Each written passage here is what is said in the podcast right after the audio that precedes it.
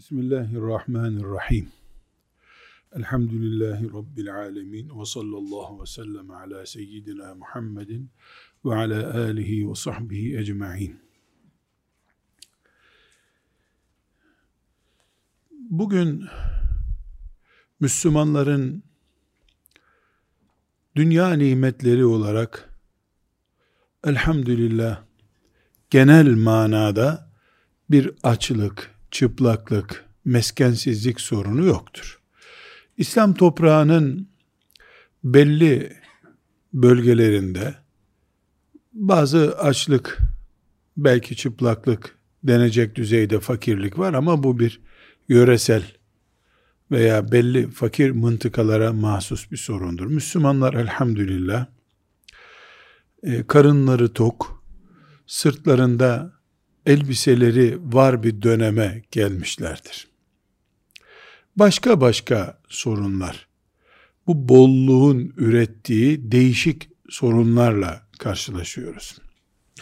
Bugün bir meseleyi vuzuha kavuşturmak istiyorum.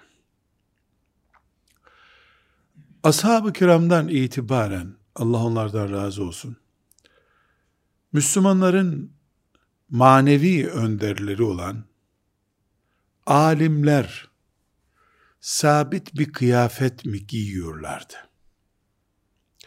Alim olunca bir insanın üstündeki sarığından çorabına kadar giydiği şeyler alimliğini dolduran zorunlu kıyafetler mi? Gömleği, üstündeki cübbesi, şalvarı, pantolonu ne giyiyorsa.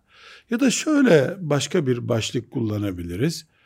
Alimlerin mecburi kıyafetleri var mı?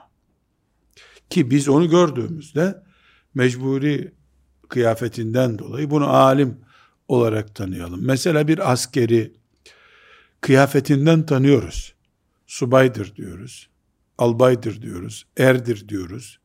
Kıyafetinden belli. Alimi de Mesela müştehit alim olunca e, filanca düzeyde müştehittir bu. Mesela Ebu Hanife rahmetullahi aleyh bugün yaşasaydı, Ebu Yusuf da talebesi yaşasaydı, bu Ebu Yusuf'tur muhakkak. E, çünkü kıyafeti böyle.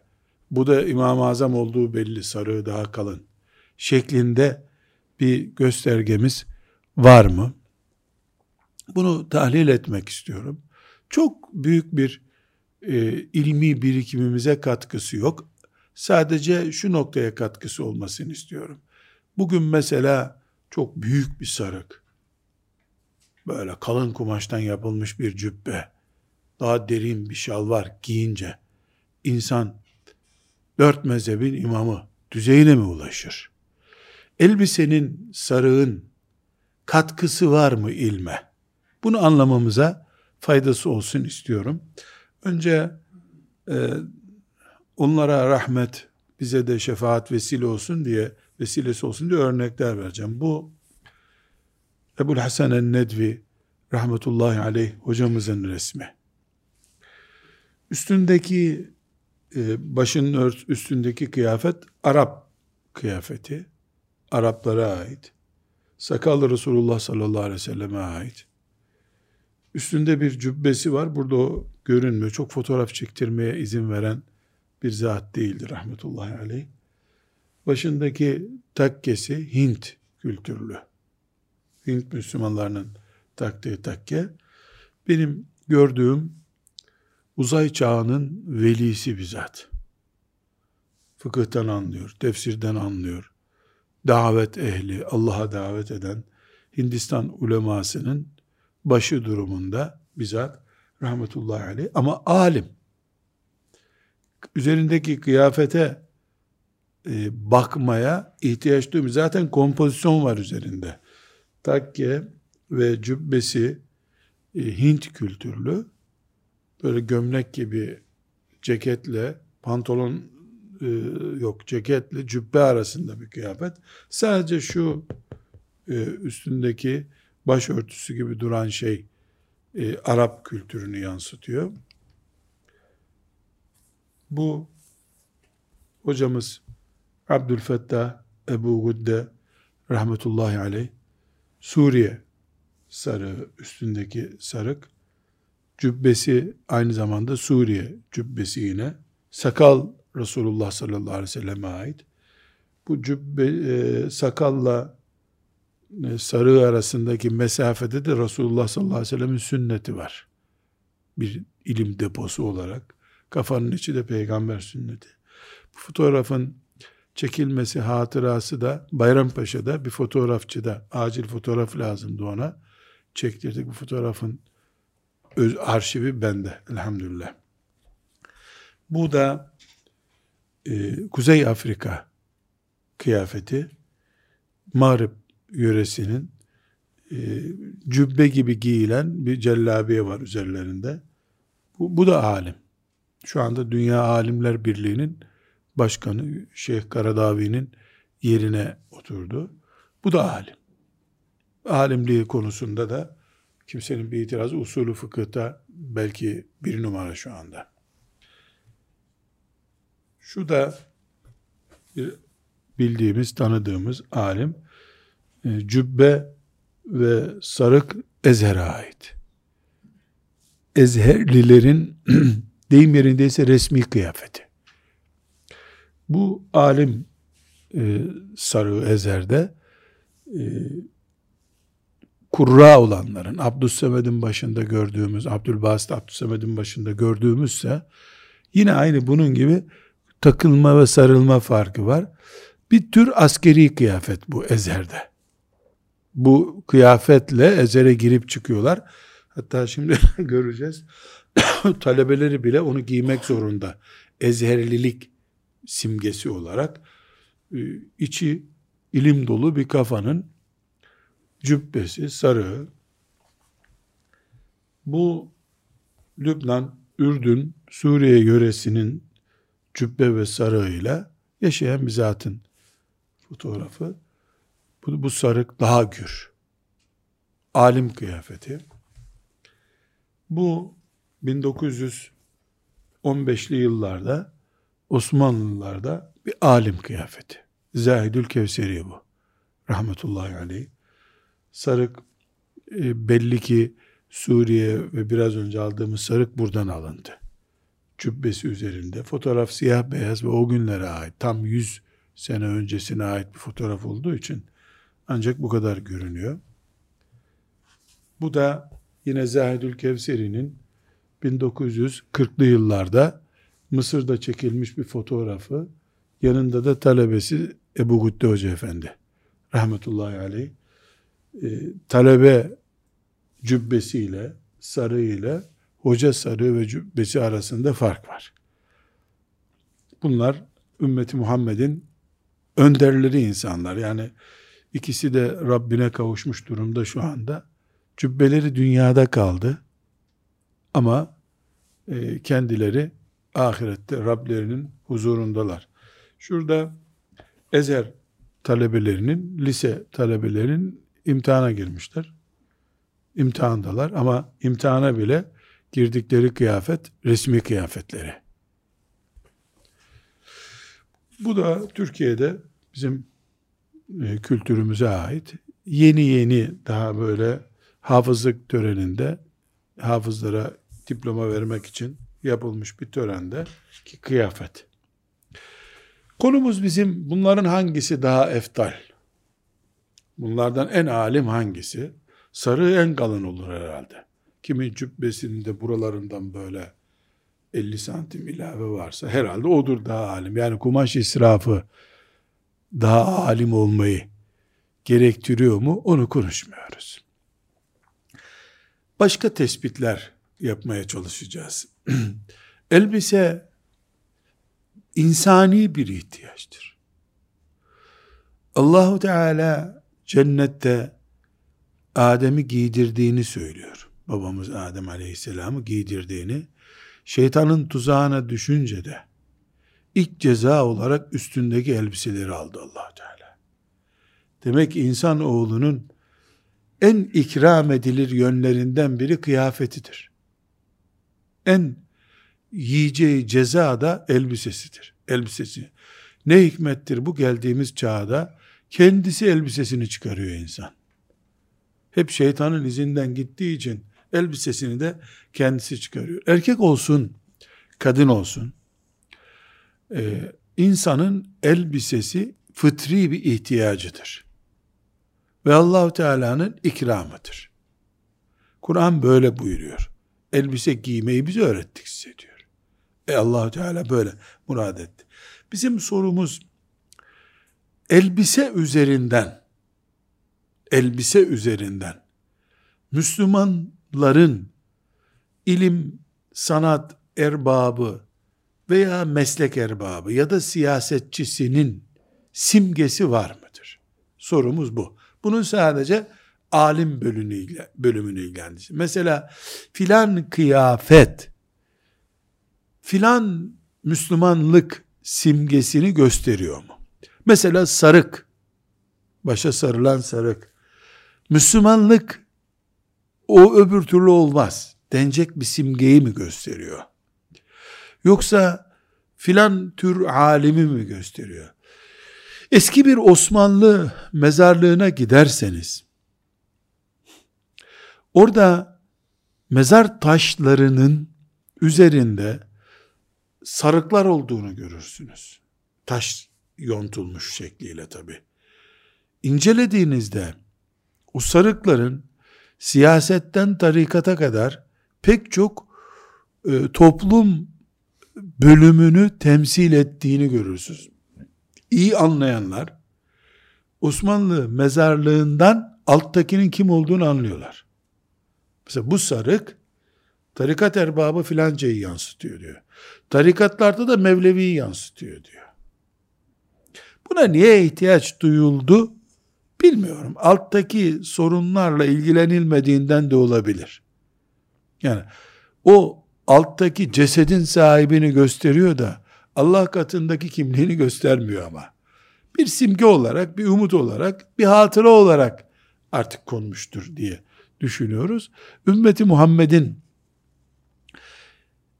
dinen şu kıyafet giyilir diye dini değeri yansıtan bir kıyafeti yoktur. Sadece Şiilikte bunun aşırı bir şekilde e, yani kanunlaştırıldığını söyleyebiliriz.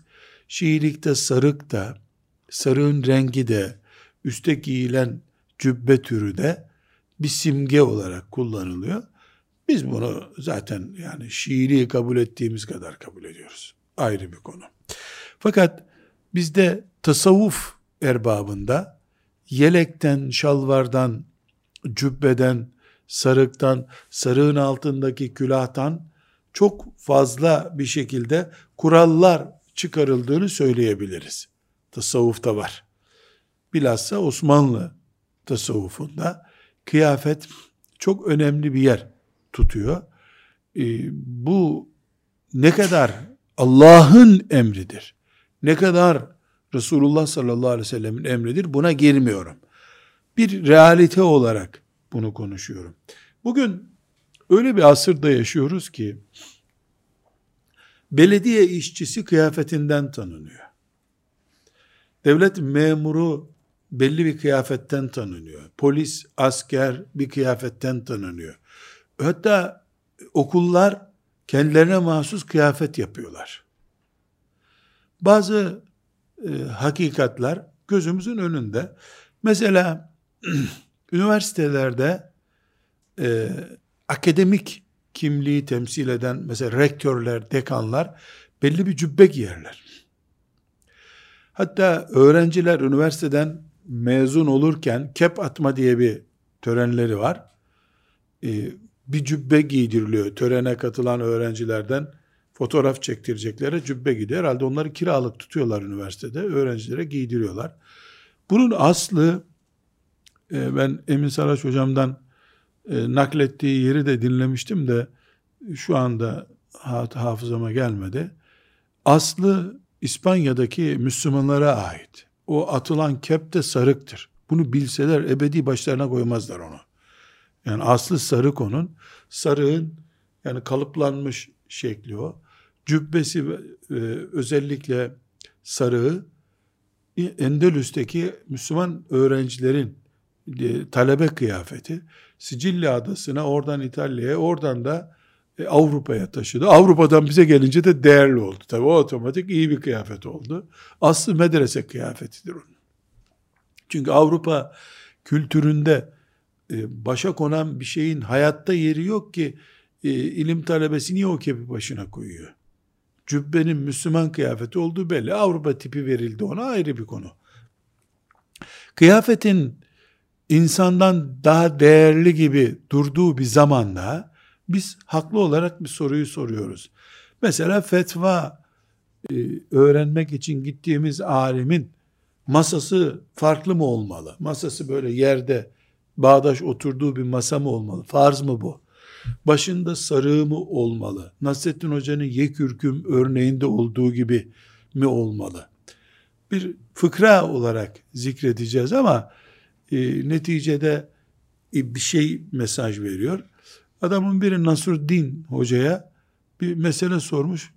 Bilmiyorum demiş. E, Nasruddin Hoca'nın başında da kocaman bir kavuk yani sarık var. O da sinirlenmiş. Hoca sarığından utan demiş. Koca sarıkla bu meseleyi bilmiyorsun demiş. Nasruddin Hoca çıkarmış sarığını kafasına koymuş. Al sen bil şimdi demiş. Yani böyle midir bu? Bu kadar ucuz mu bu kıyafet? Bunu e, izah etmek istiyorum ama önce şuradan başlayacağız. Resulullah sallallahu aleyhi ve sellemin alimliği bir kenara bak nübüvveti vardı. Yani ahşa ibadillah, a'lemu ibadillah'tı. Yani Allah'ın en çok bilen kulu oydu. En takva kulu oydu. Farklı kıyafeti var mıydı? Cevabımız şudur.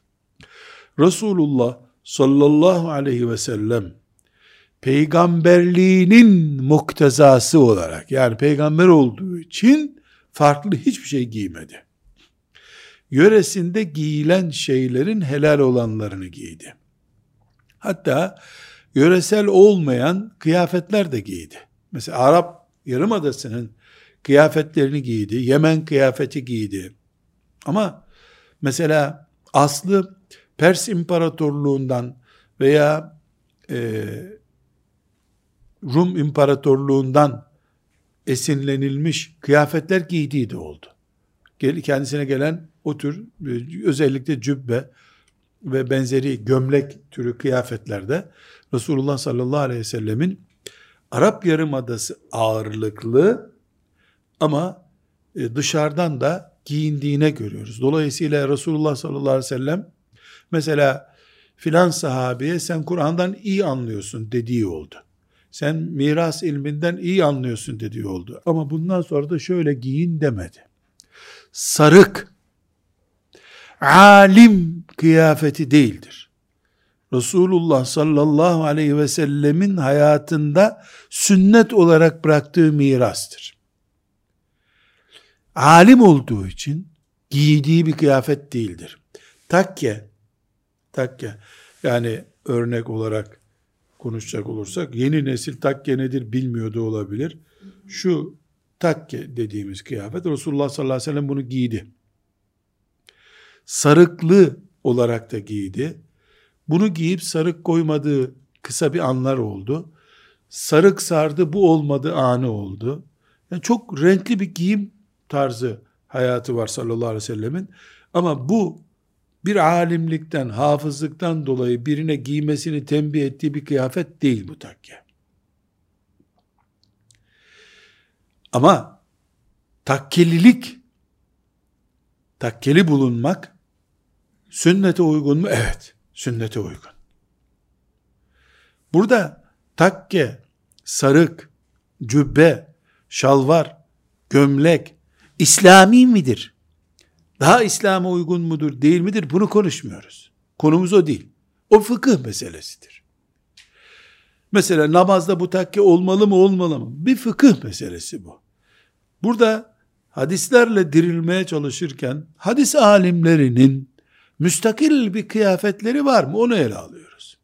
Ve hadislerin sahibi Resulullah sallallahu aleyhi ve sellem Efendimizin özellikle giydiği bir kıyafeti var mı?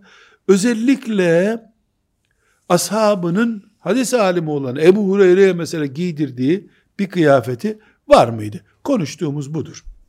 Burada iki hadisi şerifi örnek alacağız. Birincisi Enes radıyallahu anh'ın Bukhari'de rivayet edilen 63 numaralı hadisi şerifte Enes bir hatıra anlatıyor. Çok tatlı bir hatıra. Biz onun bir bölümünü kullanacağız ama hatıra çok tatlı. Diyor ki Enes radıyallahu anh bir gün bir bedevi Mescid-i Nebi'ye geldi diyor. Hayvanını da tuttu mescidin içine kadar soktu. Mescide bağladı hayvanını. Şöyle sağına soluna baktı. Ya kim burada Muhammed dedi. Kim bu Muhammed kim burada dedi. Resulullah sallallahu aleyhi ve sellem Efendimiz de kıble tarafında oturuyormuş, yaslanmış bir kütüğe doğru. Demişler ki ona, orada beyaz yüzlü o ağaca yaslanan adam demişler.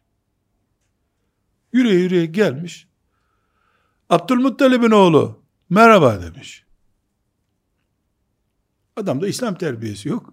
Zaten adı üstünde çölden gelmiş bir bedevi bilmiyor. Sana sorular soracağım demiş. Cevabını alırsın buyur demiş sallallahu aleyhi ve sellem Efendimiz. Ondan sonra sorular sormuş. Cevaplar almış. Şimdi bu hadisi nakleden alimler nasıl naklediyorlar biliyor musunuz? Resulullah sallallahu aleyhi ve sellem oturduğu mecliste ashabından ayırt edilemezdi diyor. Ne giyiyorlarsa onu giyiyordu. Ne yiyorlarsa onu yiyordu. Alim mi? Sultanul ulema. Bütün yeryüzü ve kainatın alimlerinin sultanı. Ama adam girmiş, orada olsun, olsun, olsun 150 kişi vardı. Efendimiz sallallahu aleyhi ve sellem'in sağlığında mescit en fazla 250 kişi alabilirdi. Alsın bin kişi diyelim. Farklı mesela şimdi bizim biraz önce gösterdiğim bu fotoğraflardaki alimlerden birisinin 500 kişilik bir salonda oturduğunu düşün. Yani bunlar fark edilemezler mi? Bir ezherliği, ezer alemini bir milyon kişinin içinde seçersin. Hemen belli olur. Mağrip alimlerinden birisi, arkalarındaki karpuşlarıyla beraber böyle e, kafalarına koyunca ulan bu mağripli alim seçiliyor. Efendimiz sallallahu aleyhi ve sellemi adam seçemedi. Hayvanını bağladı, baktı sağa sola. Hanginiz Muhammed dedi. Belki iman etmek için geldi. Ama her halükarda hadisliği gösteriyor. Efendimiz sallallahu aleyhi ve sellemin mümeyyiz diyeceğimiz. Yani onu farklı bir adam kıyafetinden, sakalı ashabıyla aynı. Bıyıkları ashabıyla aynı. Başındaki sarık ashabıyla aynı. Üstündeki cübbesi aynı. Oturuşu aynı. Özel bir koltukta oturmuyor. Yani şair diyor ya e, taşlar arasında bir yakut taşı gibisin sen diyor. İçimizde beşersin ama taşlar arasında yakut taşı gibi. Şimdi Efendimiz sallallahu aleyhi ve sellem işte 150-200 kişinin içinde oturuyor tanınamıyor. Demek ki farklı bir kıyafet Resulullah sallallahu aleyhi ve sellem'de yoktu. Bir hadisi daha hep beraber yine Buhari'de Müslim'de bildiğimiz hadistir. Çok yaygın Riyaz Salih'in okuyanlar hemen ilk okudukları hadislerden biridir. Sabırla ilgili hadiste. Hani Efendimiz sallallahu aleyhi ve sellem e, mezarlıkta ağlayan bir kadın görüyor. E, teselli etmek için sabret be kadın diyor. Ona nasihat ediyor. Kadın Efendimiz sallallahu aleyhi ve sellemi kıyafetinden tanıyamadığı için çek git işine be adam sen kendine bak gibi bir cevap veriyor. Sert tepki gösteriyor. Sonra kadına diyorlar ki ya çok kötü bir iş yaptın sen. O azarladığın Resulullah sallallahu aleyhi ve sellem de, eyvah ben ne yaptım diyor. Yani kadın Müslüman kadın. Efendimiz sallallahu aleyhi ve sellemin kim bilir hutbelerini dinlemiş bir kadın ama kıyafetinden bir de gözü yaşlı o esnada kıyafetinden Resulullah sallallahu aleyhi ve sellem'i tanıyamadı. Git işine be adam. İleyke anni. Çek git buradan. Ben burada derdim var gibi çıkış gösteriyor kadın. Bundan da anlaşılıyor ki Efendimiz sallallahu aleyhi ve sellemi yanı başında bedevi uzaktan gelip tanıyamadı. Kıyafeti olmadığı için üstünde. Yanı başındaki kadın da tanıyamadı. Sonra uyarılınca eyvah ne yaptım diye düşündüm. Burada e, Efendimiz sallallahu aleyhi ve sellemin farklı bir kıyafet giymediği kesin. Şu itirazı kabul etmeyiz. Yani parası mı vardı yeni bir elbise almaya? Bu yanlış bir bilgi. Yani parası evet e, yani ciddi bir şekilde zaruret yaşanıyordu ama mesela e, takke koyuyordu başına. Mesela sarık sarıyordu. E, mesela sarığını bazen uzun yapıyordu. Arkasında bir kuyruk bırakıyordu sarığın. Bazen yuvarlak sadece sarıyordu. Şunu yapabilirdi değil mi? Bizim sarığımız bundan sonra iki uçlu olacak. Böyle bir şey diyebilirdi. Ve otomatik olarak o o şekli almış olurdu. Yani masraf gerektirmeden bu değişiklikler yapılabilirdi. Böyle bir haceti olmadı. İki, e, Ebu Bekir radıyallahu anh'ın onu temsil eden halife oldu. Ömer halife oldu. Osman halife oldu. Ali radıyallahu anh e, o Medine kültürünü Küfe'ye taşıdı. Yani Irak'a gitti. E, para vardı. Yani belki Ebu Bekir radıyallahu anh döneminde, Ömer radıyallahu anh'ın ilk beş senesinde para yoktu. Sonra para geldi yani bundan sonra halifeler bu e, kıyafeti giysin diye bir talimat verilebilirdi. Böyle bir işaret almış olsalardı bir bir de masraflı bir bir şey değil bu dediğimiz. Yani mesela e, giydiği cübbenin kolları uzun olacak ya da şuraya kadar olacak. Mesela çok basit bir misal e, giyilen kıyafetlerin e, ayak topuklarına kadar inmeyeceğini, diz e, dizlerin yarısına kadar geleceğini söyledi Efendimiz sallallahu aleyhi ve sellem. Bak bir şekil koydu. Çok uzun kıyafetler e, caiz değildir. Yere kadar değen etekler caiz değil dedi. Yani burada anlıyoruz ki Resulullah sallallahu aleyhi ve sellem ve ashabı Allah onlardan razı olsun böyle bir talimat göstermediler, koymadılar. Kesin bir şekilde şunu söyleyebiliriz. Ümmeti Muhammed'in birinci asrında yani hicretin birinci senesinden yüzüncü senesine kadar Ömer bin Abdülaziz'e kadar Müslümanların kıyafeti, alimlerin kıyafeti böyle olur. Böyle olmayanın kıyafetinde sıkıntı olur diye bir kural olmadı. İlk defa alim olduğu için farklı kıyafet giyen e, İmam-ı Azam'ın talebesi Ebu Yusuf'tur. Rahmetullahi 113 yılında doğmuş o da. 182 yılında da vefat etmiş. Dolayısıyla e, Ebu Yusuf ilk defa Harun Reşid'in halifesi olarak Kadır Kudat ünvanlı yani bugünkü e, Yargıtay Başkanı'na benziyor kıyafet şey ünvanı farklı bir kıyafet giymiş. Zenginlik var. Harun Reşit belki böyle bir şey istiyor. Yani e, tarihin gerisine doğru gidildiğinde bakıyoruz ki e, Ebu Yusuf'la bir kıyafet başlamış. Bu da Harun Reşid'in e, ağırlığından da kaynaklanıyor olabilir. Ondan önce yine e, yüzlü yıllardan sonrasına ait yani Ebu Yusuf mesela 160. yılda filan 170. yılda diyelim bu kıyafeti giydi. Bakıyoruz ki e, Ebu Yusuf'tan önce de İmam Malik e, rahmetullahi aleyh çocukluk hatıralarını e, anlatırken ilk defa ders okumaya gidecektim diyor. Annem dedi ki oğlum böyle ilim talebesine yakışır bir giydireyim seni öyle git dedi diyor. Bu bir temiz giyinme, daha güzel giyinme şeklinde anlaşılıyor. Yani alimlerin mesela ezerli çocukların kıyafeti ne dedik? Yani işte şu şekilde bir kıyafet giyiyor ezerliler. İmam Malik'in zamanında böyle bir kıyafet yoktu ama annesi onu güzel giydirmiş. Sonra bir baktı annem diyor oğlum şimdi güzel oldu git diyor. Git yani bu annesindeki büyüklüğü gösteriyor. Sokakta oynadığı kıyafetle onu hocasının önüne götürmemiş, gö göndermemiş. E, ikinci asırdan itibaren e, bazı e, değişiklikler görüyoruz. Alim kıyafeti diye bir kıyafetten söz ediliyor. Hatta bazı Maliki alimleri e, alemin kıyafetinin farklı olması farzdır bile demişler. Üçüncü, dördüncü asırda. Herhalde biz beşinci asıra gitmiş olsaydık bu fıkıh notlarından, ulemaya ait notlardan anlaşılıyor ki biz beşinci asra mesela gitmiş olsaydık Allah bilir Bağdat sokaklarında kim fakih, kim muhaddis kıyafetlerinden tanıyacaktık onları herhalde. Şu anda elimizde e, böyle fotoğraf gibi bir belge yok.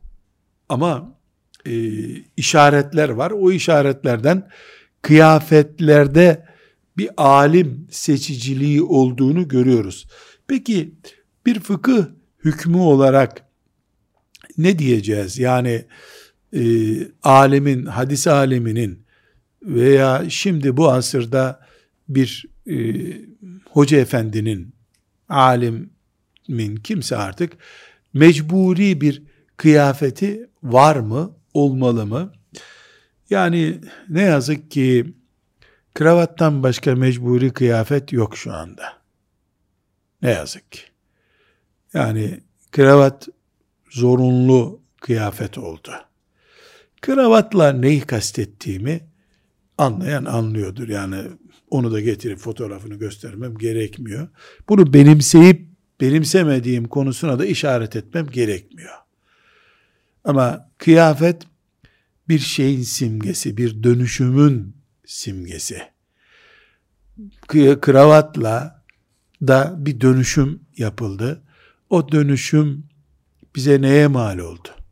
Kim getirdi, kim uyguladı? Bunu hiç konuşmaya gerek yok ama e, televizyonlarda hoca efendi olarak konuşabilmek için e, kıyafet giymemiz gerekiyor. Ben e, bir televizyona bir program için gittiğimi zamanlar bir 10 seneden fazla zaman oldu.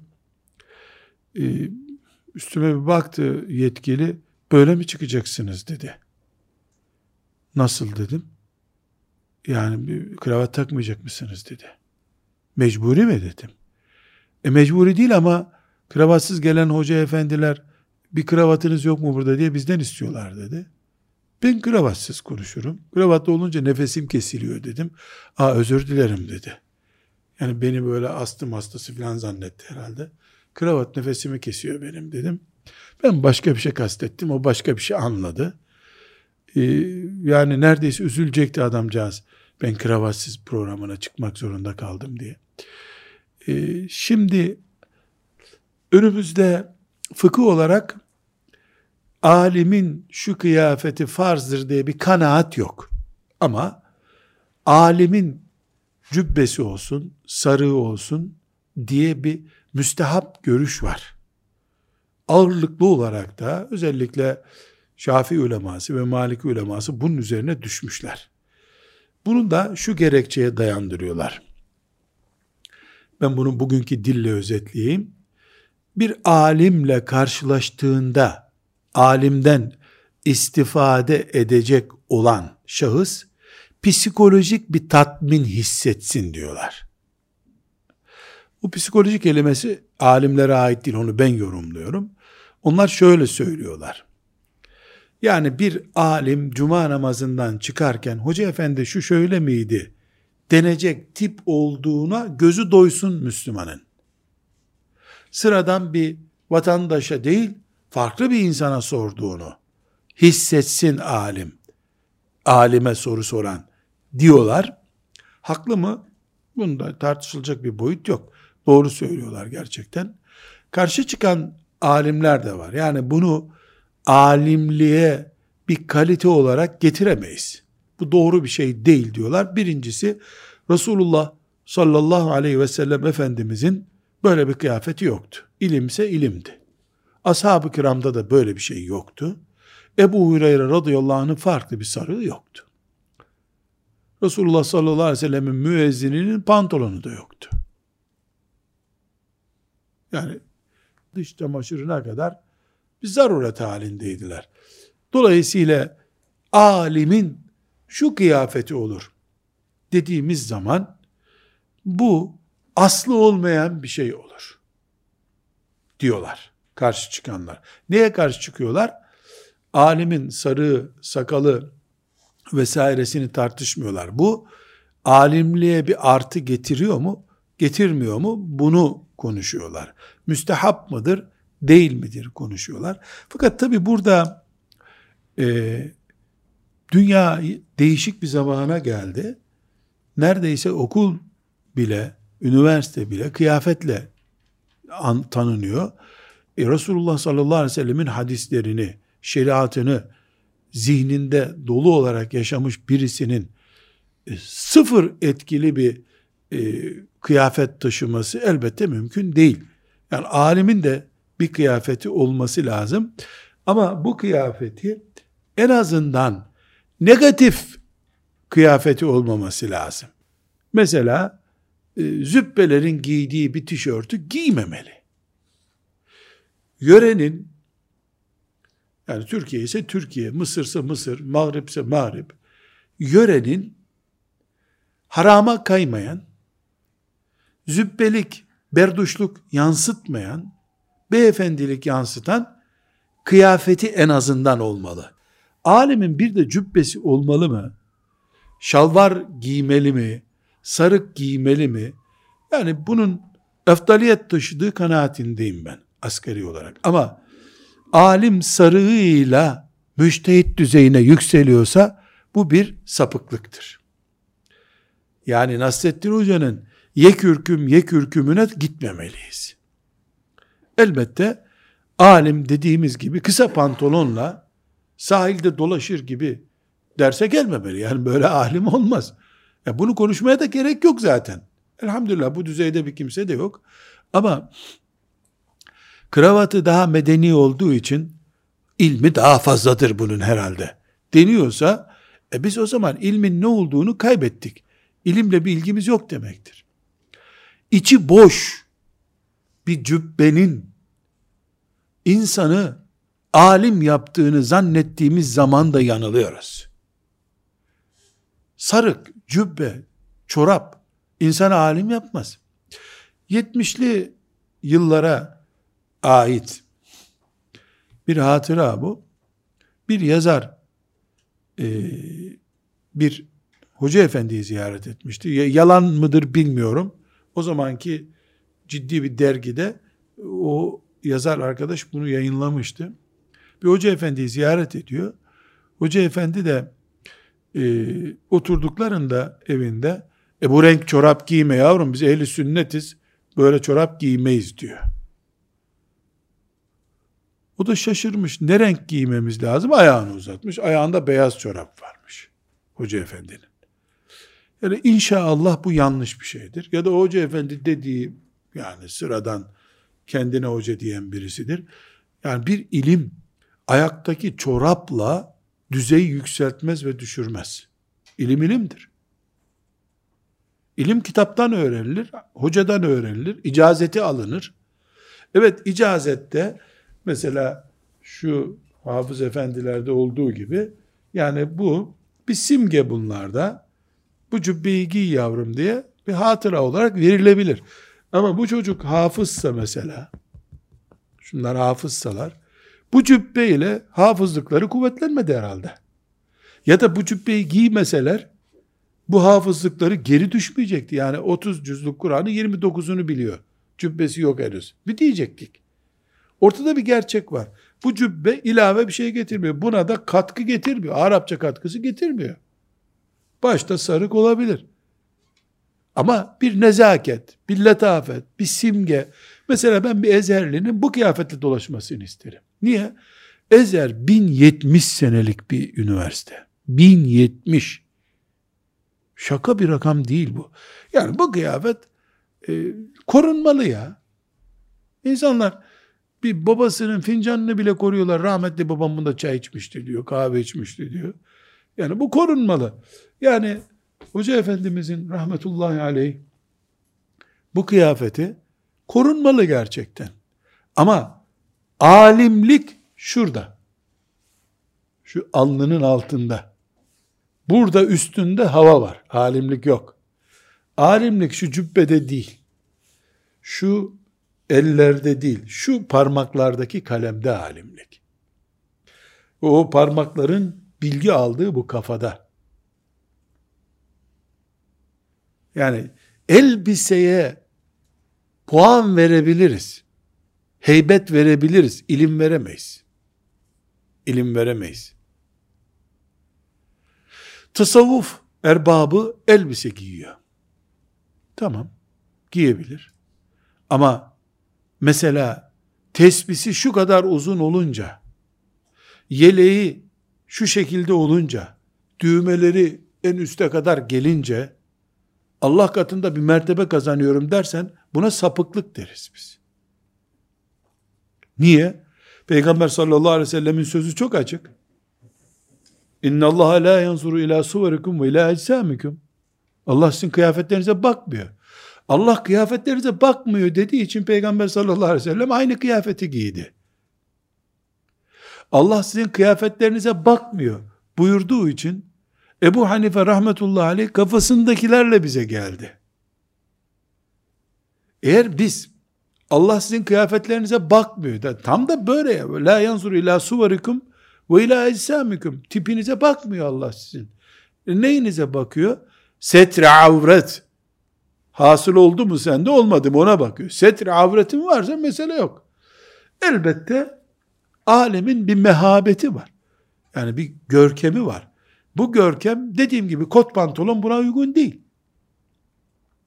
Hatta ve hatta kısa kollu kıyafet yani belki namazda sorun olabilir erkek için. Kısa kollu gömlek. Namazda öyle düşünen için mekruhluğundan söz edilebilir. Ama alim kısa kollu giyip de köyde, bahçede dolaşıyor diye ilmini mi kaybetmez? Çok uzun kollu böyle ikiye üçe katlayacak kadar uzun kollu gömlek giyince de maşallah kitapları yutmuş olmaz. Bunun bir dengesi bulunabilir. Nedir bu denge? Kıyafet ilim değildir. Ama alime yakışan bir kıyafet vardır. Subhanallah bir general gibi dolaşıyor Kahire sokaklarında. Bu fotoğraf Kahire'de çekilmiş. Tam 100 senelik. Yani ilmin generali. Generalle subay arasında da fark var zaten dikkat ederseniz. Yani subayınki biraz daha böyle delikanlıca çekilmiş. Ama içi dolu olduğu için bu kıyafetten hoşlanıyoruz biz. Hoca efendiyi ziyarete gittiğimde ben, Hoca efendiyi ziyarete gittiğimde, Hoca efendinin cübbesini ziyarete gitmiyorum. Sarığını ziyarete gitmiyorum. Nesini ziyarete gidiyorum? Beynini. Öptüğüm şey elidir. Elbisesini öpmüyorum. Etek öpmek siyasette olabilir. Kralın eteği öpüldü. Padişahın eteği öpüldü. Alimin mübarek kalem tutan eli öpülür. Şeyh Efendi'nin tesbih çeken eli öpülür. Kıyafet gereksiz değil ama ağırlığı yok. Ağırlığı yok. Verişa yuvarikum verişa kıyafet örtmek içindir, dekor içindir. Evet, bir alim sarığını sararak, cübbesini giyerek Müslümanların arasında oturursa, elbette bu daha vakarlı olur. Ama biz alimi yakaladık, o arada cübbesi üstünde değildi. Tüh bugün cahil kaldık, hiçbir şey öğrenebileceğiz mi diyelim. Her şeyin bir uca çekildiği, ya bu tarafa ya bu tarafa çekildiği bir zamanda ortayı tarif etmeye çalışıyorum. Alimlerimiz hocasının kıyafetini giymeli. Hocasından usulü fıkıh öğrendiği gibi, hocasından hadis öğrendiği gibi o kıyafeti de taşımalı. Alim değilse yöresinin beyefendi kıyafetini giymeli. Zübbe kıyafeti, berduş kıyafeti, artist kıyafeti giymemeli. Hiç kimseye kravatı ilim katmadığı gibi sarığı da ilim katmaz. Cübbesi de katmaz. Çorabın filan renk olursa Allah ayağını sabit tutar, ayağın kaymaz senin diye bir şey yok. Çoraplı çorapsız. Allah seni e, sapık bir kul görürse kaydırır ayağını. Bunun ortasını bulabiliriz. Dolayısıyla gidip insanların elbiselerini öpecek yerde ilimlerine saygı gösterir, ilimlerinden istifade ederiz. Burada bir abartı var. Bu abartıya gerek yok ama çağ değiştikçe pantolon değiştirecek, gömlek değiştirecek kadar da aşağıya kaymamalıyız. Bunun bir itidal noktası var. O itidal noktası mümin olarak her işte gerektiği gibi burada da gerekli. İnşallah bunda da muvaffak oluruz. Bir kere daha hocamıza ve hocasına Allah rahmet etsin bir general gibi Kahire sokaklarında dolaşıyor. Bir general gibi. Ve belki bu imtihandan bu çocuklar sıfır almışlardır. Kalmışlardır sınıfta belki ama girdikleri imtihanın Ezher'de bir imtihan olduğu belli oluyor. Saygın tutulması gereken şeyler bunlar. Şu yavrularımız Allah zihinlerini keskin etsin. Yakın döneme ait. Yakın zamanı bunlar mesela. Mübarek bir görüntüdeler. Ama bu cübbeleri bunlara bir cüz Kur'an okutmuyor. Hocalar okuttu. Korunmalı, abartılmamalı. Hocamızı bir kere daha rahmetle yad ediyoruz. Hocamız işte generali yakından izliyoruz. Rahmetullahi aleyh. Sarığı yakışıyor. Yani bu bu gözler ilim fışkırtıyor. Ama tekrar ediyorum. Şuradan yukarısı gökyüzüne havaya, hava boşluğuna bakıyor. Şuradan aşağısında sadece kıyafet var. Bu manzara şurası aslında. Beynindekiler bizim için bulunmaz şeyler. Yani hocamızı rahmetullahi aleyh ben 1985'te elini öptüğümde bu, bu kıyafetteydi. Şimdi 2015'te bu fotoğraf çekilmiş. 2015'te hala böyle. Bu onun aba ecdadını gösteriyor. Yani ilim aba ecdadını gösteriyor. Kıyafetini gösteriyor. Şimdi mesela ben günlük takip ediyorum Hoca Efendi'nin sağlık sorunu çok kötü. Hoca Efendi epey düştü. Bazen böyle odasından e, böyle üstündeki gömlekle fotoğraf basıyorlar. Bir irkiliyorum böyle Hoca Efendi nerede der gibi yani. Onu böyle gözlerim ısırıyor çünkü. Hoca Efendi usulü fıkıhta eşi bulunur bir alim değil. Makası şeriada çok güçlü bir isim. Ama böyle güzel. Bu belki hocamın şu kıyafetini, şu sarığı sarsa yani bunun itibarı olmayabilir mağripte. Kimse bunu dinlemeyebilir.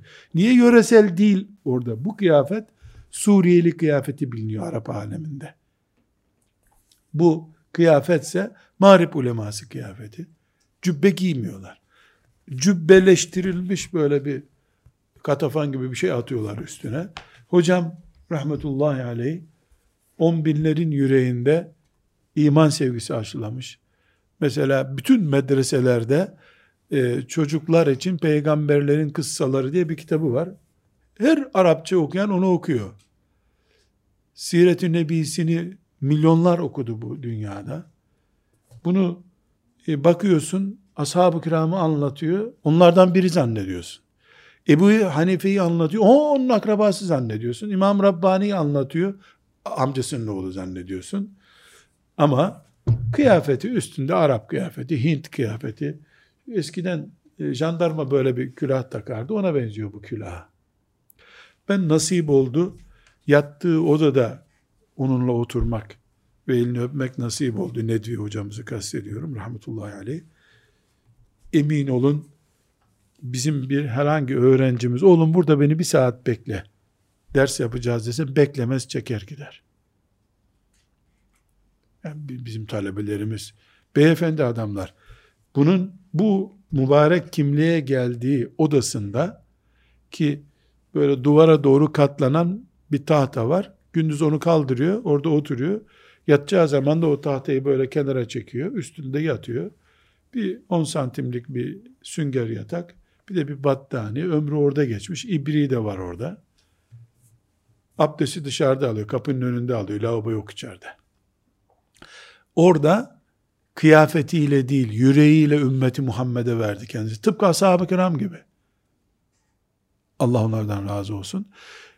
Bir cübbe, bir sarık, bir kemer, bir şalvar, bir gömlek, bir çorap, üstünde kimin imzası bulunursa bulunsun, ilim değildir. Alime yakışar türü vardır, başka bir mesele.